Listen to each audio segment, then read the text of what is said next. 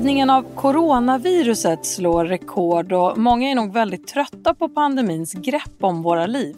När tar det egentligen slut? För att få några svar så tittar vi idag närmare på vad vi kan lära av 1900-talets första pandemi, spanska sjukan, som tog omkring 50 miljoner människoliv. Hur muterade viruset på den tiden och hur lät samhällsdebatten? Och vad var det egentligen som till slut fick stopp på smittspridningen? Välkommen till Studio DN med mig Ylke Holago.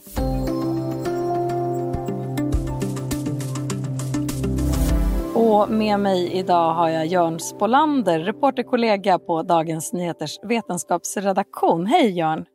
Ja men hejsan! Hej. Du har skrivit en artikel i DN med rubriken Vägen ut ur pandemin, det kan vi lära av spanska sjukan. Men innan vi kommer till de här lärdomarna, spanska sjukan var ju en pandemi som härjade under 1918 till 1920 kan du bara berätta, vad var spanska sjukan och var uppstod den? Mm, lite kort så kan man säga att det, det var en, eh, ett nytt influensavirus som plötsligt dök upp i världen och ställde till med stor oreda då eftersom ingen människa hade immunitet mot den. Det var liksom helt, helt nytt. Och influensavirus kliver över artgränsen från djurvärlden. De brukar kanske pausa i svin och sen mutera och kunna börja smitta människor. Och av allt att döma, den här pandemin, den började nog i USA det första dokumenterade dödsfallet det skedde på en militärförläggning i Kansas i, i mars, början av mars 1918. Eh, och då pekar en del på att det, finns, det fanns gott om svinfarmar i till exempel Iowa Eh, där virus kunde ha kontakt med både svin och människor. Då blir det liksom superbra förutsättningar för svin, eh, virus att lära sig att hoppa över gränserna. Så, så att, eh, där tänker man sig att eh, startade och sen eftersom det här var i slutet av första världskriget så, så var det många soldater som reste från USA över till Europa och förde med sig viruset. Så det fick ju liksom en snabb och väldigt omfattande hjälp att sprida sig över, ja, till Europa och över hela världen. Och vi pratar ju om spanska sjukan, men du beskriver att eh, uppstod förmodligen i USA. Hur kommer det sig att det inte heter amerikanska sjukan? Ja, just det. det, det kan man tänka sig att det borde ha hetat, men på den tiden, det gjorde liksom sin publika entré i världen i Spanien, så kan man säga, för att Spanien var neutralt under kriget. Och det innebär att då, då hade de en fri press som fritt rapporterade vad som hände i landet. Så de skrev om eh, underliga dödsfall och en sjukdom som började härja. Eh, det här hände samtidigt i de andra länderna, men där var pressen censurerad och, och, man fick inte skriva om sånt som så att säga skadade eller framställde landet som försvagat. Så det var det var därför. Det, det, I Spanien, när DN första gången till exempel, jag läste i arkiven där, skrev om spanska sjukan, då är det verkligen i, i Spanien som, som man eh, ser att den, den börjar härja. Sen väldigt strax efteråt, bara någon, ja det här är sommaren 1918, så dyker de första fallen upp i, i Sverige och så börjar det sprida sig också. Och hur drabbade spanska sjukan världen? Alltså hur, hur spred den sig? Hur såg eh, vågmönstren ut? Ja, det började ju där 1918 Sen märkte man väl ganska snabbt att den, den, spred, den smittade, till skillnad från dagens pandemi som har slagit allra, eller slår allra hårdast mot äldre. Eh, det är ju väldigt tydligt där och försvagade på olika sätt. Eh, så, spanska sjukan drabbade i mycket hög utsträckning unga, ganska unga och relativt friska personer och, och, och många män som eh, blev sjuka och, och dog. Där tror man, det, det kanske berodde på att de äldre blev skyddade. De hade någon form av immunminne från något som heter ryska snuvan som svepte fram på 1890-talet. Eh, så, så då, då, var de lite skyddade där, men det hade ju inte de här yngre personerna då, så de var, de var liksom blanka. Sen så, så drog den fram i tre stora vågor, varav den andra var enormt dödlig Eh, över världen. Och eh, jag tror att när man räknar ihop det här, så, eller försöker uppskatta hur många som smittades totalt, så snackar man om en tredjedel av jordens befolkning, eller kanske till och med hälften av jordens befolkning. Och när det gäller hur många som dog i spanska sjukan, så ja, det fanns ju inte samma... Det, det bråkar vi ju om idag med all vår vetenskapliga förfining, eh, vem som egentligen är död i en, i en pandemi. Men då siffrorna där, det var kanske 25 till 50 miljoner läser man på många håll, men sen så är det många andra forskare som rapporterar siffror ända upp till 100 miljoner, så det, det var en enorm massa människor som strök med. Och vad hände när eh, det svenska samhället drabbades av eh, spanska sjukan? Hur reagerade man som samhälle? Hur såg restriktionerna ut? Det första, eh, om man tittar lite så i tidningsklipp från den tiden när sjukdomen då började bli känd, och man, så var det ganska liknande tongångar som när pandemin började, eller det här eh, coronaviruset eh, började dyka upp i Kina och spreds över världen. Det var ganska avdramatiserande ordalag från många forskare, så det verkar som att de flesta inte blir så sjuka och, och, och då hade man ännu inte sett det här mönstret att, att unga personer drabbades väldigt hårt, utan man pratade om att det är, de flesta klarar sig bra, men när man är äldre och försvagad, då, då kan det slå hårdare och sådär. Eh, sen ändrades ju den bilden och sen så känner man igen mycket av debatten och diskussionen som, som vi har haft nu under den här coronapandemin. Att, eh, mycket, man var ju ganska bra på, så att säga, man har stor erfarenhet av luftburna sjukdomar och luftvägsinfektioner. Så man visste att det var viktigt att hålla avstånd, inte stå och hosta på varann, gärna vädra inomhus, hålla sig undan om man hade sjukdomssymptom och allt sånt där. Det, det hade man ganska bra koll. Sen snackades det om munskydd, likadant som, som nu. Fast sen vet jag inte riktigt hur efterlevnaden var om man gjorde, men det fanns mycket man kan läsa om anvisningar. Så här viker du ditt eget munskydd utan vid gasbinda och knyter fast runt ansiktet. Det ja, det gör vi ju inte så mycket idag. Nej, Sverige I har svensk media i alla fall. varit en, en eh, andra tongångar där vad det gäller efterlevnad och så. Eh, det finns en broschyr från 1918 av en svensk läkare vars namn jag nu glömde bort. Men han skriver ganska roligt sådär om att man också ska akta, eller ja, han varnar för folk som är extra högljudda och skrattar och sjunger och så vidare, för det kan spruta ut en rejäl massa smitta. Man visste ju inte, man visste att det, var, att det spreds via små salivdroppar eller, eller något sånt slemdroppar, eh, att det var luftburet. Men man hade ju ännu inte liksom eh, identifierat, och man kallade det för för virus, men man hade ju ännu inte identifierat vad en viruspartikel var eller hur, hur de liksom fungerade. Men, men man varnade då ifrån att akta er för folk som skrattar och sjunger överdrivet mycket. Och även på den tiden så var det restriktioner i form av att man stängde ner teatrar och biografer, eller hur? Hur såg, hur såg det där ut? Vad gjorde man från statligt håll för att stävja smittan? Nej, men det är precis som du säger, eh, efter ett tag så började man förstå att större offentliga tillställningar, de måste vi begränsa. Så det stängdes ner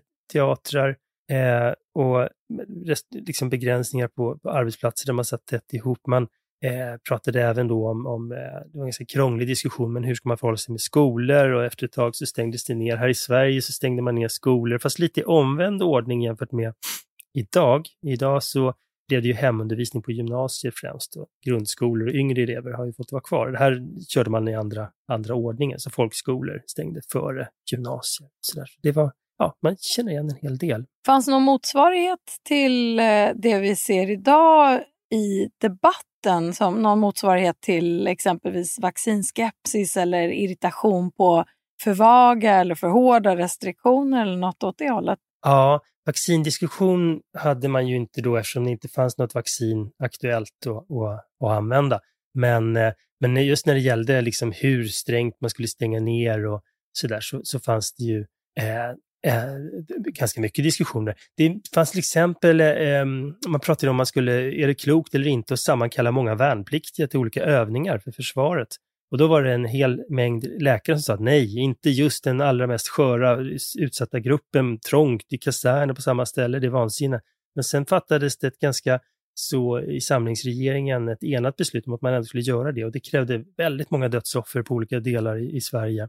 Eh, en, en slags katastrof som man sen inte diskuterade så mycket efter, eller debatterade efter pandemin, eftersom det liksom hade funnits en politisk enighet. Så det var svårt för någon att slå näven i bordet och säga att det där var, det var inte bra. Utan det var, Men det var varför valde man trots varningarna att sammankalla alla de här värnpliktiga? Och trots att de utgjorde en riskgrupp?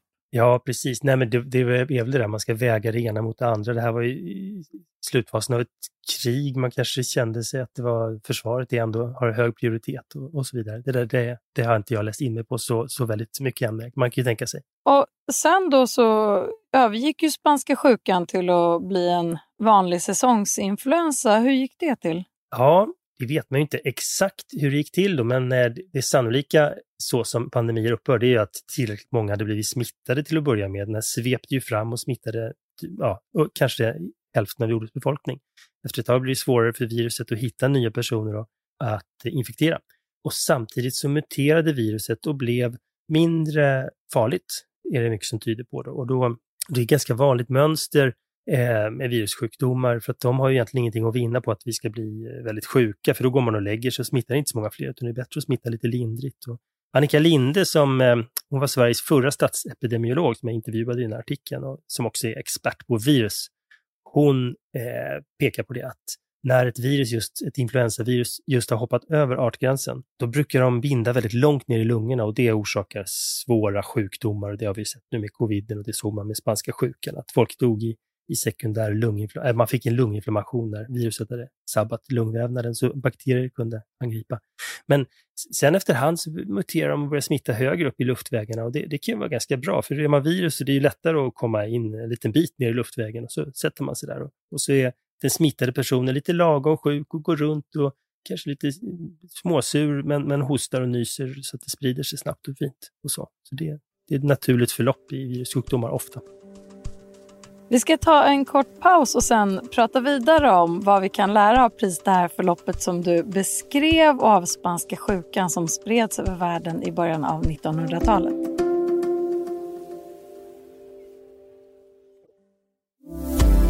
Du lyssnar på Studio DN. Idag om 1900-talets första pandemi, spanska sjukan och vad den kan lära oss om coronapandemin. Jörn Spolander, reporter på Dagens Nyheters vetenskapsredaktion. Spanska sjukan fanns kvar efter att det slutade vara en pandemi runt 1920. Hur betedde sig viruset efter sin stora framfart? Men då omvandlades det ju och blev i kombination med att så många var, hade en grundimmunitet till att bli ett, ett snällt säsongsvirus som, som liksom hängde kvar. Och sen blommade det i och för sig upp lite hårdare vissa säsonger och kunde skörda ett antal, ja, skapa en överdödlighet, ungefär som influensavirus gör och har gjort fortfarande. Då, att vissa år kan det ju dö några tusen extra så att säga och andra är det några hundratal. Ehm, så det var, eh, då hängde det kvar där. Sen så efterhand så trycktes det undan av, av andra virus. Ehm, och eh, man brukar väl säga att slutliga smockan fick det, trodde man, när asiaten dök upp. Och asiaten, det var alltså en annan pandemi, det var också ett influensavirus. Ja, precis. En annan typ av influensavirus som tryckte undan spanska sjukan. Den kom 1957, eh, härjade den i, i, två år ungefär. Mm. Men eh, så var det inte. Det, det, det hängde, sen plötsligt så, eh, 1976 så eh, upptäckte man, då, då svepte det fram ett virus som man såg att hoppsan, här är ju en ättling till, eh, till spanska sjukans virus som, som plötsligt har dykt upp och märkligt nog såg forskarna att det här viruset som är nu, 1976, det är liksom identiskt med den, en variant av spanska sjukans virus som blommade runt på 1950-talet. Och, och, det är liksom en eh, det, det, är egentligen omöjligt för att när virus eh, smittar och de muterar ju lite grann hela tiden så man kan se små förändringar men det här var liksom klockrent. Så det även om det hade gömt sig i någon eh, stillsam djurvärld någonstans eller varit i någon avlägsen del av världen och puttrat på tomgång så var det omöjligt. Så till slut kom de här forskarna fram till att det här måste ha rymt ifrån ett laboratorium där det har legat nedfruset. För man brukar, eh, det, är klokt att spara sjukdomsvirus och sådär, för att ha, ha dem på lager så man kan studera dem och lära sig mer när det kommer nya sjukdomar eller ha, eh, ifall de kommer tillbaka och sådär. Eh, men, eh, och då är det ju väldigt viktigt att ha säkerhetslaboratorium där man är supernoga och har rymddräkter mer eller mindre och luftslussar. Det hade man inte då. Så att Annika Linde som berättade det här, hon säger att det inte är så hemskt underligt att, att det kanske rymde då. Det var, det var, det var sannolikt det gjort. Och man har till och med pekat ut, det är ingen som har erkänt offentligt att det var vårt labb som läckte, men, men eh, folk har väl riktat, när man har spårat det så gott man har kunnat med allt detektivarbete, så hamnar man någonstans i, i Kina. Så, men det har inte kommit, det är inte något som någon har erkänt offentligt. När vi pratar om virus så här med virus som rymmer eller hur virus muterar så tänker jag ibland att det låter som att det har en egen eh, intelligens, vilket är ett begrepp jag antar att man inom vetenskapen inte använder för virus. Vad, vad kallas den processen för, virusets egen liksom, inre värld eller sätt att Ja, men precis. Nej, men det där är ju bara en effekt av det som vi kallar för, för den vanliga evolutionen. Att eh, egenskaper som gör att någonting här i världen, något liv, har lättare att sprida sig och föröka sig. De egenskaperna kommer att öka. Ja, det ser vi ju Hos virus kan man se det väldigt snabbt och hos bakterier kan man se det i raketfart och sådär. Hos oss människor så har vi ju sett det också. Vi har ju svårare att betrakta det just nu. Men... Så evolution, och, det, och så pratar man om evolutionärt tryck av olika slag. Då, som om man till exempel har vaccinerat en stor del av mänskligheten men har kvar en stor grupp som inte är vaccinerade. Då, då kan man skapa ett evolutionärt tryck för viruset att överlista vaccinet. De, de virus som, som kan ta sig förbi vaccinet, de kommer att klara sig lite bättre än de som fastnar på vaccinet. Evolutionärt tryck, bra. Tack, då, jag tar med mig det. Om vi går från evolutionärt eh, tryck till människor, känslor och kollektivt minne. Hur såg det kollektiva minnet av spanska sjukan ut efter att pandemin var över? Hur pratade man om det när, det var, när man liksom var på andra sidan? Vad var det som fäste? Ja, men då pratade jag med en historiker som har studerat sådana saker som heter Fredrik Charpentier Ljungqvist vid Stockholms universitet. Och han menar att minnet det klingade av ganska snabbt. Eh, det blev eh, som mer eller mindre som anekdoter som, som hängde kvar, men inget eh, djupt traumatiskt enligt hans efterforskningar. Det här var ju dessutom då i efterdyningarna av ett eh, stort världskrig, som, så att det liksom det späddes ut under det glada 20-talet och försvann. Han menar att det är ett mönster man kan se överlag med pandemierna. Han har studerat olika farsoter och så, att, och, och hungersnöd, att sådana katastrofer de brukar enligt honom sällan sätta några djupare spår i samhällsminnet. Då. Jämfört med krig, det kan tydligen sätta starkare avtryck trots att ofta dör betydligt färre i, i krig än i, i pandemier. Så var det ju, spanska sjukan skördade ju betydligt fler dödsoffer än, än, än vad som dog i själva första världskriget. Och vi pratade ju här tidigare också om hur virus som nyligen har korsat artbarriären ofta infekterar djupare ner i lungorna på människor och sen flyttar uppåt i eh, luftvägen och blir mindre farlig. Om vi ska titta på var vi står här just nu och jämför med covid-19, var kan vi tänka oss befinna oss i processen av liksom minskad farlighet? Eh, apropå evolutionen också, vad innebär omikron just nu till exempel? Ja, men precis. Det, det, till att börja med, det, det är väl lite svårt att, att liksom dra paralleller eller ha spanska sjukan som en mall för hur den här pandemin ska, ska utvecklas. Det är ju två olika typer av virus. Det här är ett coronavirus och spanska influensan var ett influensavirus. Men men det finns ju såklart även likheter. Och en sak man kan se det är väl att vid det här laget så har ju en, en stor andel av jordens befolkning börjat bli smittad och har åtminstone någon form av grundskydd. Och sen har vi dessutom, vilket man inte hade då, eh, vaccin som hjälper immunförsvaret rejält på traven. Och eh, sen det som du nämnde då med, med, hur virus muterar så har man väl börjat se tecken på att just omikron som smittar liksom som en löpeld jättelätt eh, tycks binda lite högre upp i luftvägarna och så. Så det, det kunde man ju kanske se då som ett, ett, ett tröstande tecken så där, i att, att det börjar lugna sig. Och det ser ju ut som att folk blir lite mindre allvarligt sjuka utav omikron också. Men fortfarande ingen garanti mot nya mutationer? Ja, men det är ju tyvärr inte, det vågar väl ingen utlova. Och något som brukar sägas här är väl att viruset överraskar oss hela tiden och har gjort det ända från start. Så att man ska nog inte sänka garden än på ett tag, men, men, men den kommer ju att ta slut naturligtvis, pandemin. Vi ska avrunda det här avsnittet. Jag skulle vilja bara fråga innan vi eh, slutar. Den intervjun med Fredrik Charpentier Ljungqvist som du eh, gjorde, där sa han att när en pandemi tar slut, det handlar om mer än bara smittspridning. Vad menar han med det? Ja, nej, men det är ju ganska många som säger att, att en pandemi är ju också eh, mm, det är en ny sjukdom som kommer in i samhället och sen så förr eller senare måste vi ju lära oss att, att eh, förhålla oss till den och acceptera att den finns där. Så att eh, när eh, dödligheten och smittspridningen har åkt ner till en viss nivå, någonstans där måste vi bestämma oss för att ja, men nu får vi acceptera att den är här. Liksom. Och vi blir ju smittade av, av många saker och det är många saker som drabbar oss. Så, så någonstans där måste ju den få bli en del av den och man, man kan ju inte fortsätta att stänga ner i all evighet. Men där pekar han på en sak som jag tycker är lite, är lite intressant också, att idag så känns det som att vi har ju en inställning att sjukdomar ska man liksom kunna, vi ska inte behöva dö av sjukdomar. Modern vetenskap och medicin ska skydda oss och vi ska nästan kunna utplåna sjukdomar. De ska kunna förpassas till förhistorisk tid. Eh, och, och då menar väl han att just den där mentala inställningen kanske blir lite knepigare. Vi lägger ju ribban betydligt högre än, än på ja, 1920 då när, när man var betydligt vanare vid återkommande pandemier eh, och, och, sjukdomar drabbade folk i en annan omfattning. Så då, då, kanske det var lättare att säga att nu, nu är pandemin över. Vi vet ju inte liksom hur många som sen blev smittade och lindrigt sjuka av spanska sjukan. Man hade ju inte den diagnos, förfinade diagnostekniken och så vidare. Men om man tittar lite grann nu så pratar ju en del forskare, Jonas Ludvigsson, en, en, en epidemiolog som jag pratade med också, som menar att om man bara tittar på dödligheten nu, då kanske man inte längre skulle tala om en våg. Man pratar ju om en fjärde eller till och med en femte våg av, av coviden. Eh, utan, ja, nu, nu blir de flesta smittade, men det är ju, är ju faktiskt gudskelov färre som, som stryker med. Tack så mycket Jörn Spolander, reporter på Dagens Nyheters vetenskapsredaktion. Ja, men tackar. Om du vill kontakta oss så går det bra att mejla till studiodn dn.se och kom ihåg att prenumerera på Studio DN där du lyssnar på poddar så missar du inga avsnitt. Studio DN görs för Podplay av producent Palmira Kokarimenga, ljudtekniker Patrik Miesenberger, teknik Oliver Bergman på Bauer Media och jag heter Ylki Holago.